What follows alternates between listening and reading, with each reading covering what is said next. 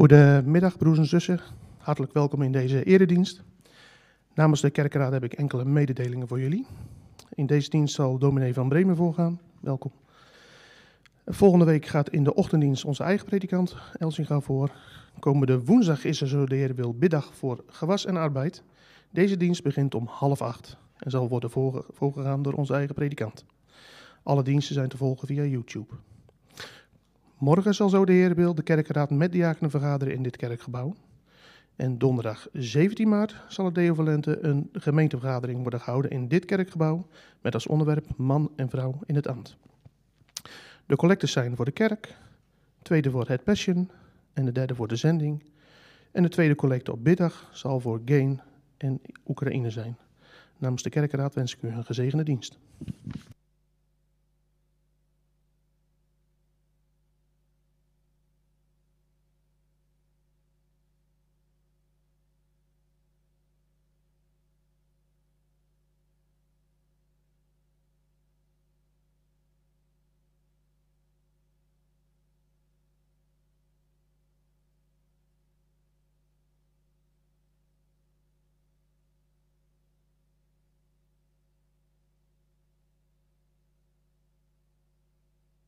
Ja, ik hoor het.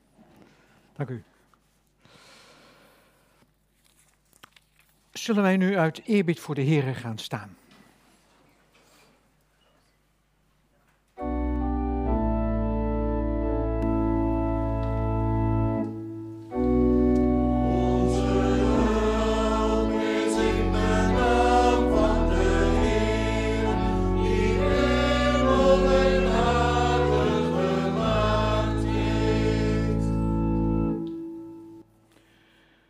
Genade zij u en vrede van hem die is, die was en die komt. En van de zeven geesten voor Gods troon. En van Jezus Christus, de betrouwbare getuige, de eerstgeborene der doden, de heerser over alle vorsten in deze wereld.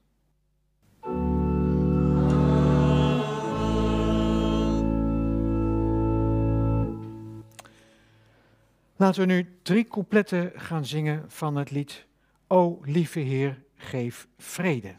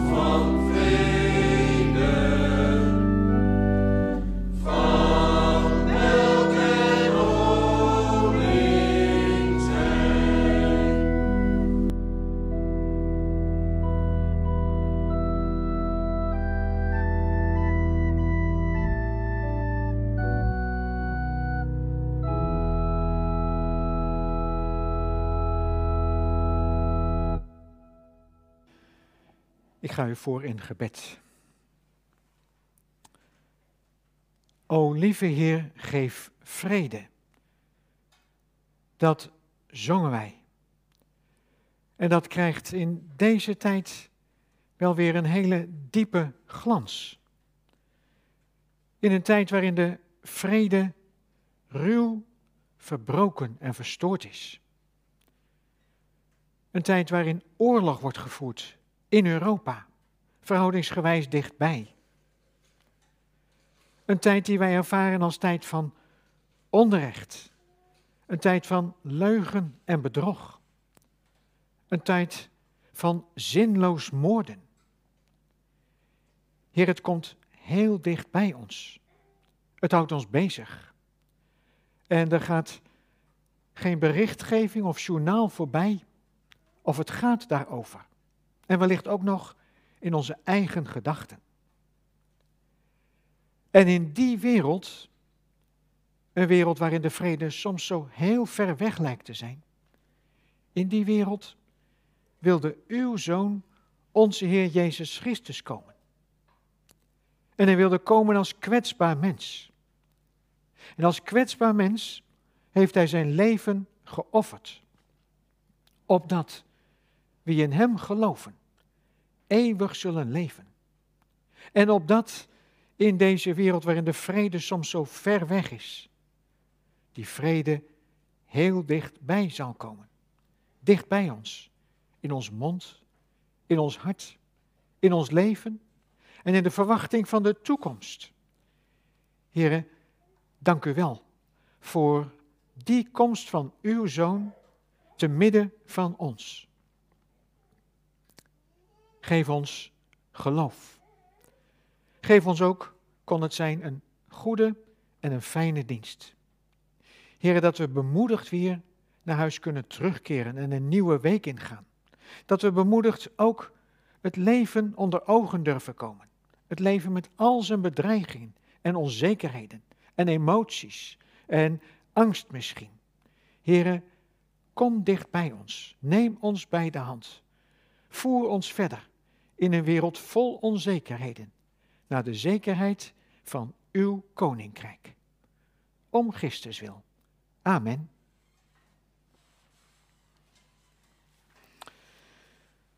Vanmiddag wil ik een gedeelte behandelen uit Marcus 5. En die willen we ook lezen in twee gedeeltes.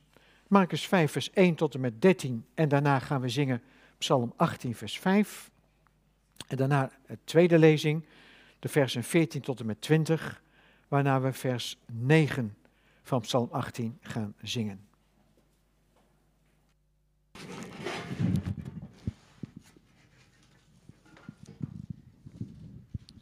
Marcus 5, vers 1 tot 13. Eh, Ze kwamen aan de overkant van het meer, in het gebied van de Gerasenen. Toen hij uit de boot gestapt was, kwam hij meteen vanuit de grafspelonken een man tegemoet die door een onreine geest bezeten was en in die spelonken woonde. Zelfs als hij vastgebonden was met een ketting, kon niemand hem in bedwang houden. Hij was al dikwijls aan handen en voeten geketend geweest, maar dan trok hij de ketenen los en sloeg hij de boeien stuk. En niemand was sterk genoeg om hem te bedwingen. En altijd, dag en nacht, liep hij schreeuwend tussen de rotsgraven en door de bergen. En sloeg zichzelf met stenen. Toen hij Jezus in de verte zag, rende hij op hem af en viel voor hem neer. En luid schreeuwend zei hij, wat heb ik met jou te maken, Jezus, zoon van de Allerhoogste God? Ik bezweer je bij God, doe me geen pijn. Want hij had tegen hem gezegd, onreine geest, ga weg uit die man. Jezus vroeg hem, wat is je naam? En hij antwoordde, Legioen is mijn naam, want we zijn met velen. Hij smeekte hem dringend om hem niet uit deze streek te verjagen. Nu liep er op de berghelling een grote kudde varkens te grazen. Die onreine geesten smeekte hem, stuur ons naar die varkens, dan kunnen we bij ze intrekken. Hij stond hen naartoe. Toen de onreine geesten de man verlaten hadden, trokken ze in de varkens. En de kudde van wel 2000 stuks vormde de, stormde de steile hellingen af, het meer in en verdronk in het water.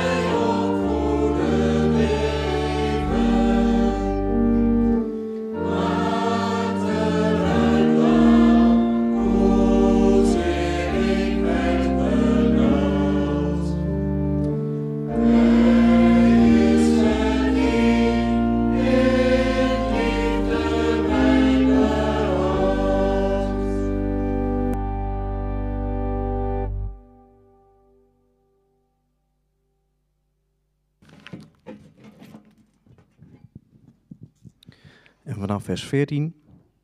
De varkenshoeders sloegen op de vlucht en vertelden in de stad en in de dorpen wat ze hadden meegemaakt. En de mensen gingen kijken wat er was gebeurd. Ze kwamen bij Jezus en zagen de bezetenen daar zitten, gekleed en bij zijn volle verstand. Dezelfde man die altijd bezeten was geweest door het legioen en ze werden door schrik bevangen. Degene die alles gezien hadden, legde uit wat er met de bezetenen en met de varkens was gebeurd. Daarop drongen de mensen er bij Jezus op aan om hun gebied te verlaten. Toen hij in de boot stapte, smeekte de man die bezeten was geweest om bij hem te mogen blijven. Dat stond hij hem niet toe, maar hij zei tegen hem: Ga naar huis, naar uw eigen mensen, en vertel hun wat de Heer allemaal voor u heeft gedaan en hoe hij zich over u heeft ontfermd. De man ging weg en maakte in Decapolis bekend wat Jezus voor hem had gedaan. En iedereen stond verbaasd.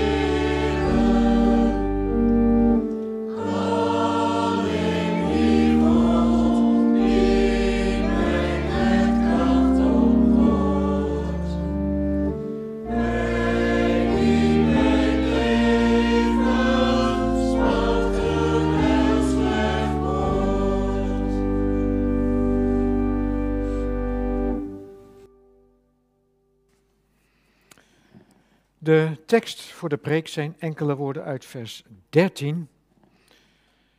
Ik zou zeggen, het is een beetje meer de uitvalsbasis voor de preek, die paar woorden.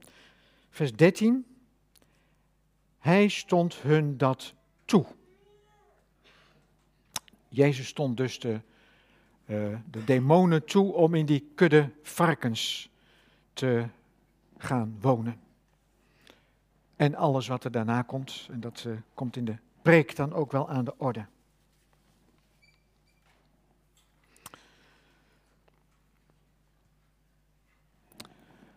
Gemeente van onze Heer Jezus Christus, broeders en zusters, jongens en meisjes.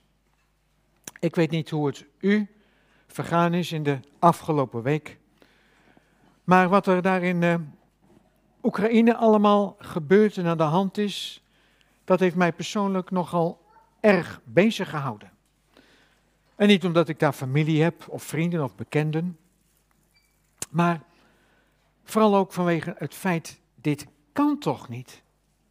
Onrecht, leugen, moord en een overmacht aan geweld ingezet tegen militairen en zeker ook tegen burgers, niets ontziend. Dit kan toch niet? En daarover nadenkende dacht ik, ja, dat kan ik vandaag wel vinden. Maar uh, eigenlijk is dat in alle eeuwen in zeker opzicht het geval geweest.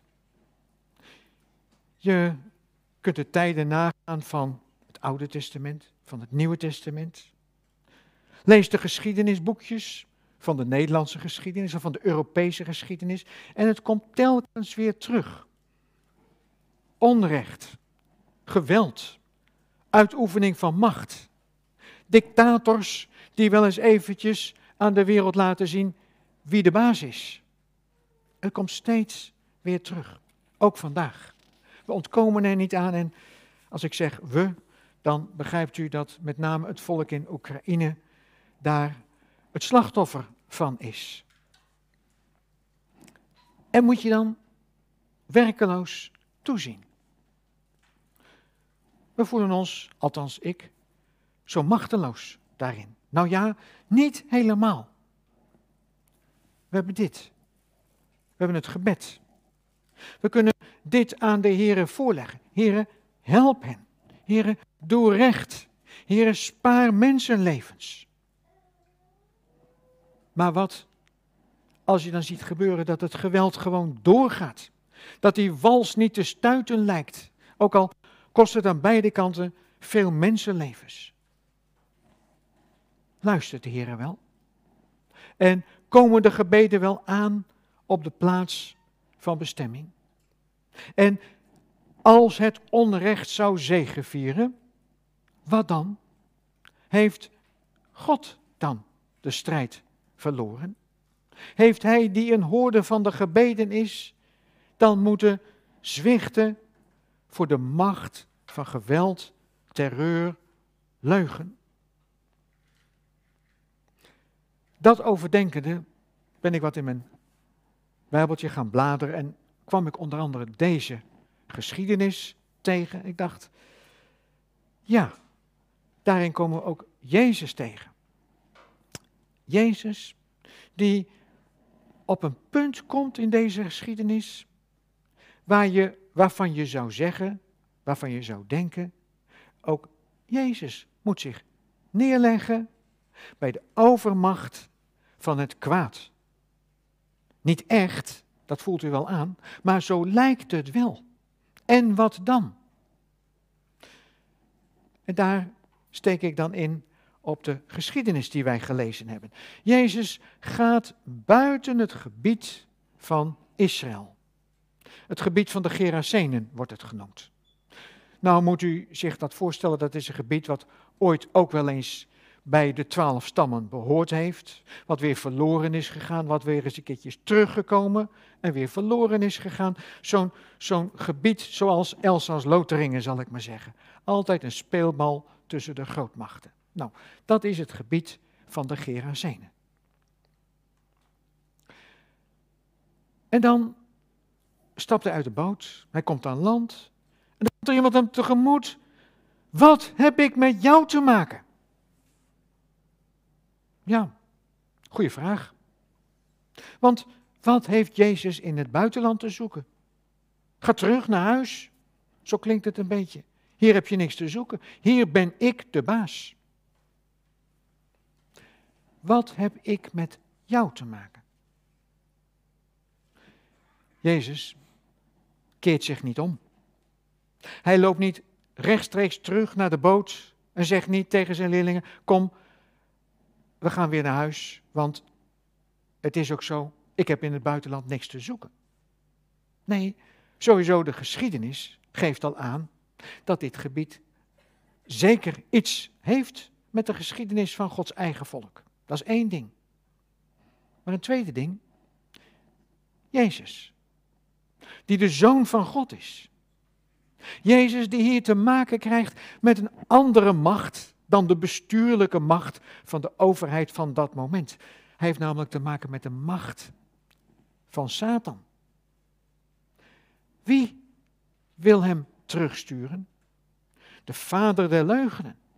Hij die, die de overste van deze wereld genoemd wordt door Jezus zelf, nota bene, niet in deze geschiedenis, maar ergens anders. Een confrontatie tussen goed en kwaad, waarheid en leugen. En die vader van de leugenen, die stelt die vraag: Wat heb ik met u te maken? Daar klinkt nog iets achteraan. Het is niet een punt, maar het is een komma. Wat heb ik met jou te maken? Jezus, zoon van de Allerhoogste God. Ik bezweer je bij God, doe mij geen pijn. Hoort u wat die man, aangestuurd door dat legioen demonen, wat hij zegt? Hij erkent de macht van Jezus waar hij naartoe gelopen is. Jezus, zoon van de Allerhoogste God.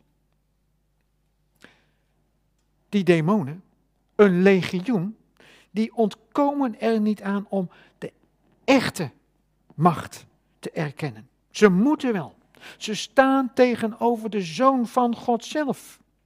En hoe machtig ze ook zijn, al waren het duizend legioenen, dan nog, zij zijn onderworpen aan de macht van de Zoon van God. Zij kunnen Hem niet van deze wereld verdrijven. Zij kunnen de ambitie van God, om het zomaar even menselijk uit te drukken, niet teniet doen. En dat beseffen ze maar al te goed. En ze zeggen het ook. Ze moeten het zeggen. Onder de dwang van de macht van God. Wat heb ik met jou te maken? Zoon van de Allerhoogste God. Doe me geen pijn. En u hoort welke strijd hier echt aan de hand is. De macht van het kwaad, die nu door Jezus wordt ontmaskerd. De macht van het kwaad, die door Jezus gewoon verbroken en verkruimeld wordt. Doe me geen pijn. Ja, dat zegt die man. Dat is die man die zo bezeten is. Die man die al in het verleden met kettingen was gebonden. Men probeerde die man te bedwingen, maar het lukte niet. En geen wonder, want hij werd aangedreven niet door menselijke spierballen, maar door demonische kracht. Kettingen werden verbroken. Niemand kon die man op zijn plaats houden. Het enige wat de mensen in de omgeving konden doen, was zeg maar, wij zouden zeggen, een beetje pappen en nat houden. Zorgen dat die man niet al te kwaad werd.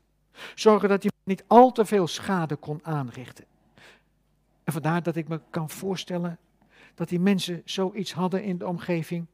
Jezus, alsjeblieft, laat die man met rust.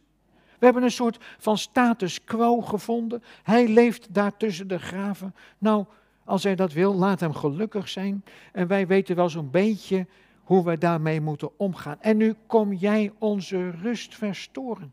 Nee, toch zeker? Dat hebben wij nodig, broeders en zusters, om te weten hoe de machtsverhoudingen echt liggen. Want zometeen gaat zich iets voordoen dat lijkt alsof God de macht weer verliest. Alsof de vader van het kwaad uiteindelijk toch weer de winnaar is. En dat is hij helemaal niet. En dat voelt u natuurlijk ook wel aan. En zo komen ze bij Jezus.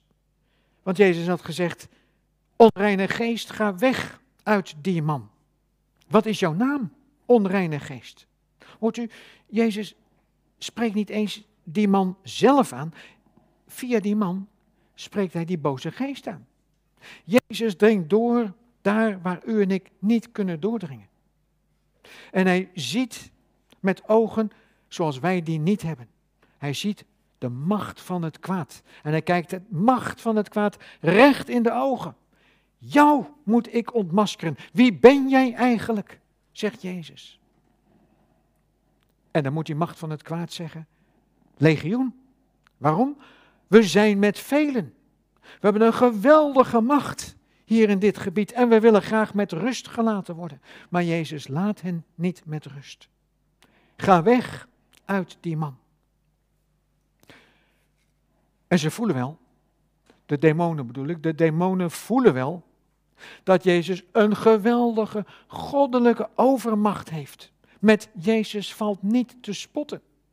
Ze gaan ook niet met hem onderhandelen, maar ze hebben wel een vraag. Stuur ons alstublieft naar die varkens, dat we bij hen kunnen intrekken. En dan is het antwoord van Jezus, de tekst die ik daarnet las. Jezus stond het hun toe. Hè, zou je denken, rust. Demonen weg en die man bevrijd. Toch iets positiefs. Een mens die weer op en neer kan gaan zonder aangestuurd te worden door een compleet legioen van boze geesten. Jezus stond het hun toe. Weet Jezus eigenlijk wel wat hij toestond? Wist hij wel wat er stond te gebeuren? En dat is voor mij een vraag. waar ik zomaar niet direct een antwoord op heb. Je zou kunnen zeggen, hij is toch de zoon van God, hij weet alles. Nee, Jezus was mens. Als mens naar deze wereld gestuurd en als mens ook gebeuren er dingen om hem heen die ook voor hem een verrassing zijn. Niet dat hij ze niet aan kan, want dat kan hij wel. Maar dingen waar ook wij verbaasd van kunnen staan, die ons compleet uit het lood dreigen te slaan. In die wereld is ook Jezus gekomen. En ik voor mij vermoed dat Jezus niet wist dat op dat moment die kudde varkens gelijk de helling af zou stormen en zou verdrinken in het meer van Galilea. Jezus, mens, zoon van God. En heeft nou de zoon van God even alle regie verloren? Nu dit onder zijn ogen gebeurt, nu die goede daad van de zoon van God, het wegzenden van demonen, zo'n rampzalig gevolg heeft. Want denkt u maar, het was een rampzalig gevolg. Je zult maar eigenaar van die varkens zijn. Overigens, het zijn varkens, het zijn geen schapen. Varkens die in Israël niet zijn toegestaan. En dat onderstreept alleen nog maar, we zijn hier in het gebied, in het buitenland. In onheilig gebied. Bij een volk dat niet bij Gods volk hoort. Anders waren er geen varkens te bekennen. Maar goed, buiten dat. Er ontstaat een ramp. Een, zeg maar een faillissement voor een bedrijf of voor een serie bedrijven, ik weet het niet. Ik weet niet precies hoe die economische verhoudingen in die streek liggen, maar u snapt wel. Die mensen die daar wonen, die zien hun economische gewin in één klap verloren gaan. Had Jezus dat voorzien? Ik denk niet dat Jezus dat had voorzien. Ik denk wel dat Jezus op één ding rekent. God, zijn Vader in de hemel, wist dat natuurlijk wel. God weet toch alles. God weet alles op de seconde, op de onderdelen van een seconde. God heeft zijn zoon naar de aarde gestuurd om te worden zoals u en ik. U wordt wel eens onaangenaam verrast, ik ook. U wordt wel eens voor vreemde vragen gesteld. Wat te denken van dat onrecht dat in Oost-Europa op dit moment plaatsvindt. Wat daarvan te denken. En Jezus weet wat hij ervan moet denken. Dit namelijk, dat Vader in de hemel precies weet wat er aan de hand is. En dat niets buiten zijn beleid omgaat. Zelfs de slechte dingen niet. Ook niet als Jezus en zijn leerlingen erbij staan en met ontzetting zien wat er gebeurt. Want neemt u maar aan, zo was dat. Ook Jezus stond met ontzetting te kijken dat die varkens de helling afstormden en van de klippen stortten. En misschien al zwaar gewond of dood in het water terechtkwamen, maar in ieder geval, er bleef niet één van die dieren in leven. En alleen al uit het oogpunt van dierenwelzijn gaat het je verschrikkelijk aan het hart. Maar ook uit het oogpunt van, van economie, van een bedrijf dat misschien op dit moment gelijk failliet is. Ze zien het met ontzetting. Maar er is er één die weet. En toch komt het goed. Het komt goed. Niet omdat we de toekomst al voor ons zien liggen en het al bedacht dat het goed komt, maar omdat we een God hebben aan wie niets ontgaat. Een God die het sturen van de geschiedenis in handen heeft. Daar en ook hier. Leer ons die God kennen. Ja, die God leren wij ook kennen. Die kennen wij uit de Bijbel, weet u nog wel? Het is dezelfde God die ooit zijn, zijn noodlijdende volk Israël in Egypte daarvan bevrijd heeft. Een volk helemaal tot slavernij gedwongen. Een volk wat geen enkele toekomst meer had. Een volk dat op de nominatie stond om te worden uitgeroeid. Een volk waarop genocide werd toegepast. Want dat kunnen wij met onze hedendaagse woorden echt wel zo noemen. Zo is het. Een volk dat tot de Heere roept en echt niet meer weet hoe het nu verder moet. En dan komt Mozes. En Mozes komt vertellen dat de Heer hen zal verlossen. Dat kan toch helemaal niet? Kijk eens naar dat machtige Egyptische leger. Met die machtige wapens van die tijd. Het lijkt op Rusland, wat Oekraïne beheerst, of wil beheersen althans. Help, wie kan verlossen? En dan zegt Mozes, de Heere gaat jullie verlossen. En ik denk dat menig Israëliet gedacht zal hebben, maar, maar dat bestaat niet. Voordat wij ook maar één stap richting de grens gezet hebben, is Farao met zijn leger al lang achter ons aan. En zo zou het ook geweest zijn, als niet die God van Abraham, Isaac en Jacob, de God van zijn volk Israël, als die er niet in gemoeid was geweest, als die niet had gestreden voor zijn volk en voor de waarheid en voor recht en gerechtigheid. Die God is de Vader van onze Heer Jezus Christus. Wij moeten het weten, ieder moet het weten, die God, met hem valt niet te spotten. Die God laat zich van geen enkel strijdtoneel terugdringen. Die God is niet een God die doof is voor de gebeden, voor de ellende die hij hoort en die hij ziet. En toch, toch is er veel ellende, toch is er veel onrecht, toch gaan de dingen door zoals ze gaan.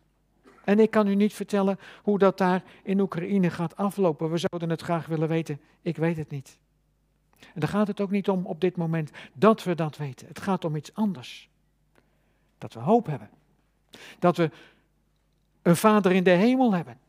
Zoals Jezus Christus een vader in de hemel had en heeft. Toen en ook nu. Een vader bij wie alles goed in handen is. En zo komen de bewoners van die streek naar Jezus toe. Jezus, alsjeblieft, ga hier weg. Je bent een ongewenst persoon. Niet vanwege het feit dat je een man genezen hebt, maar vanwege het feit dat je ons grote economische schade hebt toegebracht. We kunnen je niet aan. We weten niet wat er nog meer op het programma staat. En daarom, alsjeblieft, ga van hier. En weet u, weet u wat het gek is? Jezus die zei tegen die, tegen die mensen, Zeker, omdat jullie dat zo vragen, ga ik. En Jezus vertrok. Verliezer in deze strijd, zou je denken. Verliezer, want hij laat zich terugdringen. Hij heeft hier niks meer te zoeken, want waar hij komt, staan de dingen op zijn kop. En daarom zeggen de mensen, als je hier dan toch niet vandaan komt, ga dan alsjeblieft terug naar huis. En Jezus gaat een sprookje ten einde, zou je denken. Jezus die voet in het buitenland heeft willen zetten en het terrein gelijk weer moet prijsgeven. Dat is toch een nederlaag. En dat is toch ook een klap in het gezicht van die man die daarnet verlost was van een legioen kwade geesten. Maar dan komt het. Is dat zo? Als Jezus zich terugtrekt, als hij toegeeft aan de aandrang van de burgers in dat land, is Jezus dan een verliezer? Geen sprake van. Onze, onze geschiedenis laat ons zien wat er dan gebeurt. Want dan is er ook nog die man zelf. Die komt naar Jezus toe. Laat mij alstublieft met u meegaan. Want ik wil ervan getuigen wat u mij gedaan hebt. En uh, dit gebied, waar ik altijd min of meer vijandig ben bejegend, hier wil ik niet blijven. Ik wil u dienen. En dan zegt Jezus, nee, nee, jij gaat niet met mij mee. Jij gaat niet met mij mee terug naar het land waar ik thuis hoor. Jij blijft hier. Want er ligt voor jou een grote taak om hier in het gebied wat administratief niet bij mijn land hoort, om hier mijn grote naam bekend te maken. En dat doet die man. Die man blijft waar hij is. En daar bij zijn land en bij zijn volk, daar gaat hij het aan iedereen vertellen. Voor zover de mensen het al niet weten. Die Jezus, die is machtig. Die is sterk. Die heeft in zijn eentje gewonnen van een legioen demonen. Hoe bestaat het? Ieder mens is voor ook maar één demon doodsbenauwd. En hij, hij kijkt ze in de ogen en ze schrompelen in elkaar. Ze vliegen op zijn wenken. En dat heeft ook effect.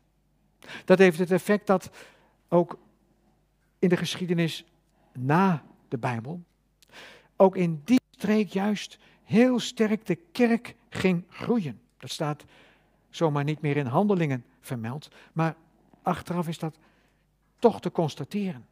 En hoe kan dat? Omdat Jezus daar zijn macht heeft getoond en de mensen overtuigd werden van de macht van Jezus Christus. Zo bereidde Jezus Christus al de weg voor die de Heilige Geest na Pinksteren zou gaan. Binnen Israël en buiten Israël. Tot aan de einden van deze wereld. Samenvat het. Het lijkt soms alsof we stappen terug doen. Alsof Jezus stappen terug moet doen. Het lijkt soms alsof we ook in Europa worden teruggeduwd door geschiedenis in. We hebben toch immers de Tweede Wereld achter ons liggen. En we hebben tegen elkaar gezegd, dit nooit meer.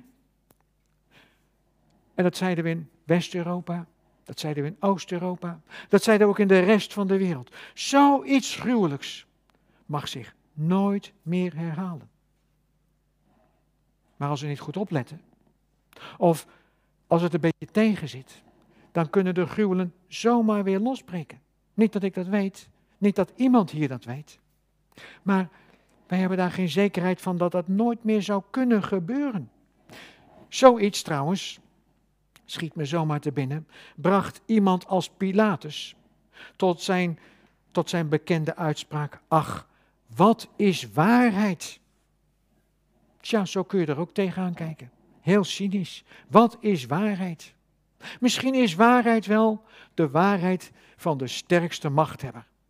En dan is vandaag de waarheid A en morgen is de waarheid Z. En noem maar op. Het staat soms haaks op elkaar. De geschiedenis is zo bitterwreed. We zijn maar speelballen van de geschiedenis. Zo cynisch zou je kunnen gaan denken. Maar wie Jezus Christus kent, denkt niet zo cynisch. Die denkt, mijn God heeft alle macht in handen. En hij gaf het aan zijn zoon. Toen die van de aarde omhoog ging naar de hemel, toen troostte hij zijn kerk. Mij is gegeven, zei hij. Mij is gegeven alle macht in de hemel en op de aarde.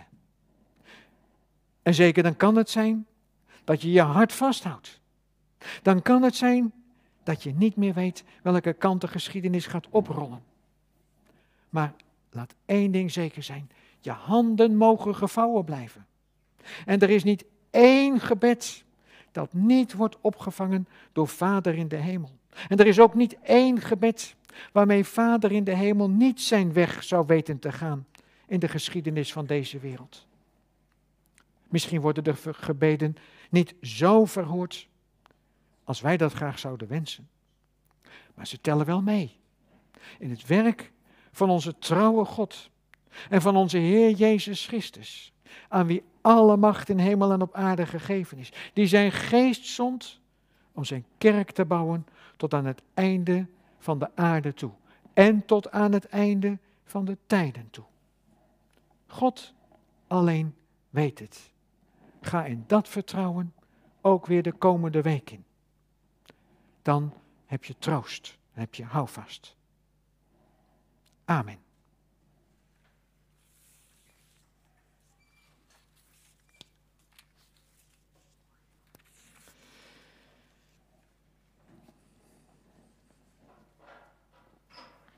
Wij zullen gaan zingen. Alleen ben ik benieuwd wat ik opgegeven heb te zingen. Dat is, ja, liedboek 342, In God de Vader op zijn troon.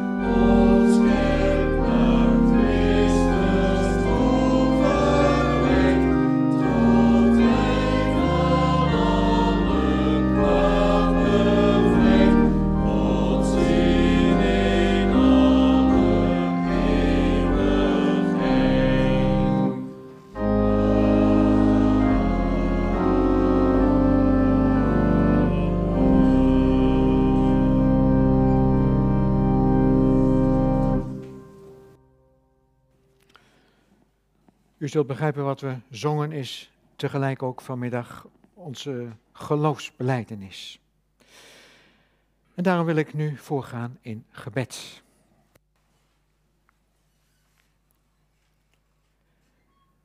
Dank u wel, Vader in de hemel. Wij mogen geloven. Wij mogen het geloof beleiden. En wij beleiden en geloven in deze wereld die zo gekwetst en zo gehavend is. Een wereld waar de waarheid tot leugen wordt gemaakt en de leugen tot waarheid. Een wereld waarin het recht op de, op de straten struikelt en waar het onrecht op de troon klimt. Een wereld waarin mensenlevens niet in tel zijn, waarin staten onder de voet lijken te worden gelopen. In deze wereld leven wij. Een wereld met zeer veel wonden, vroeger en nu.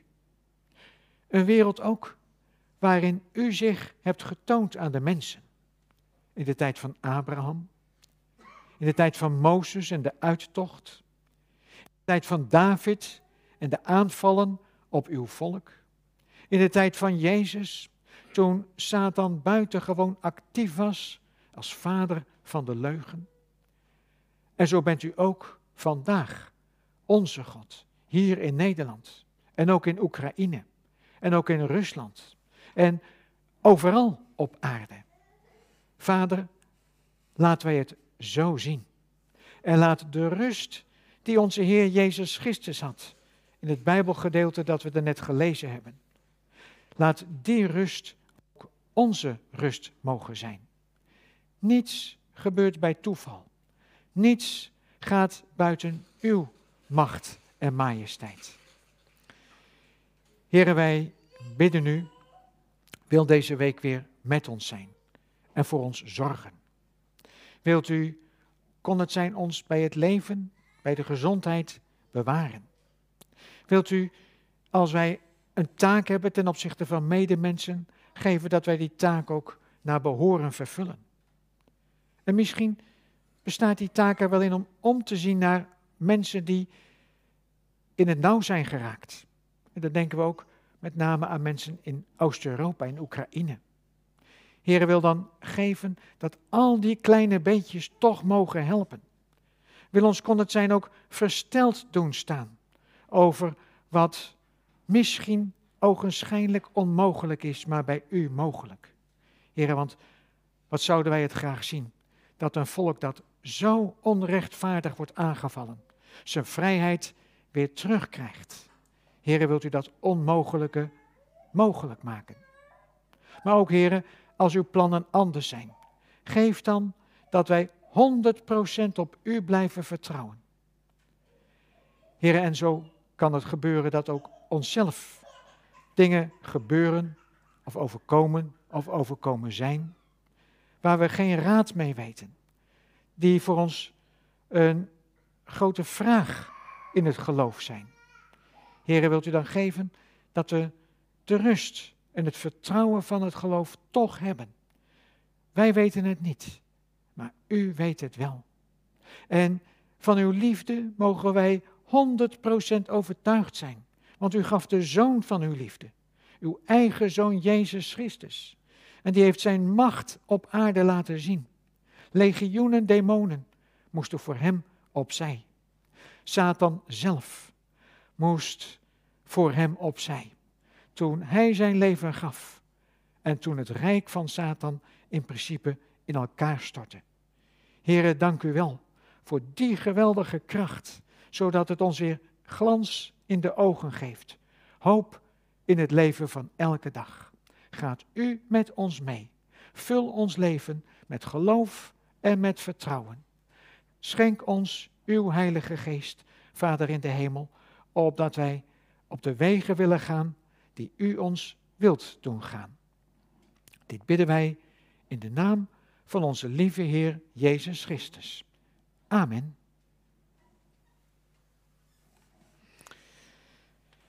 Dan is nu het moment van de collecte aangebroken. Drie collecten zie ik staan. De kerk, het passion, passion en zending.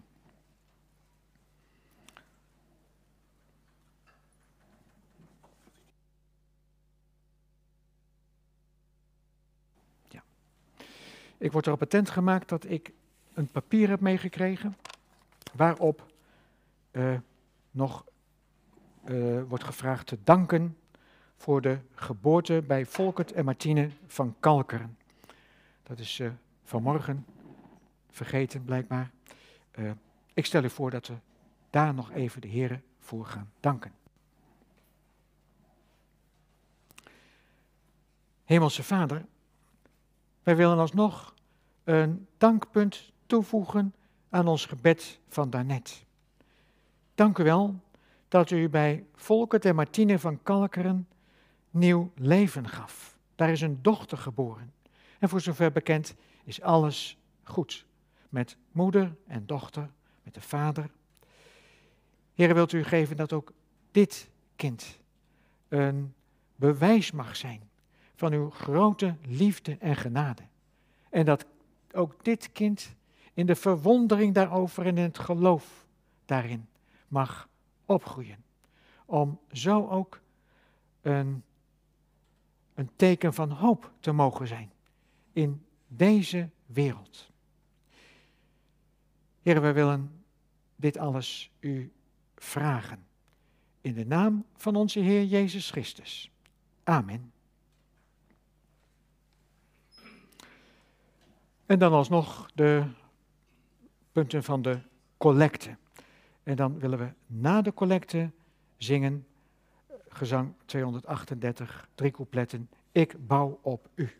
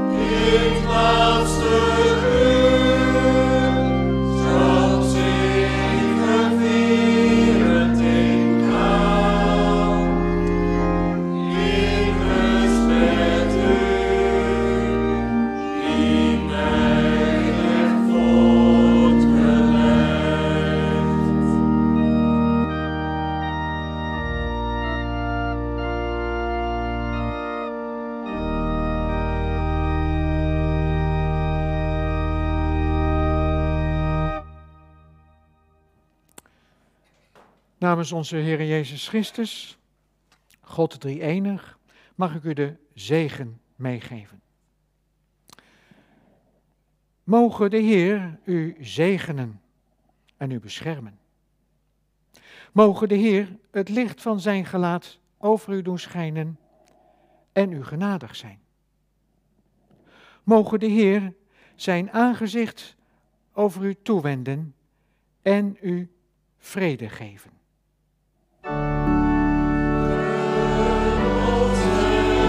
Oh.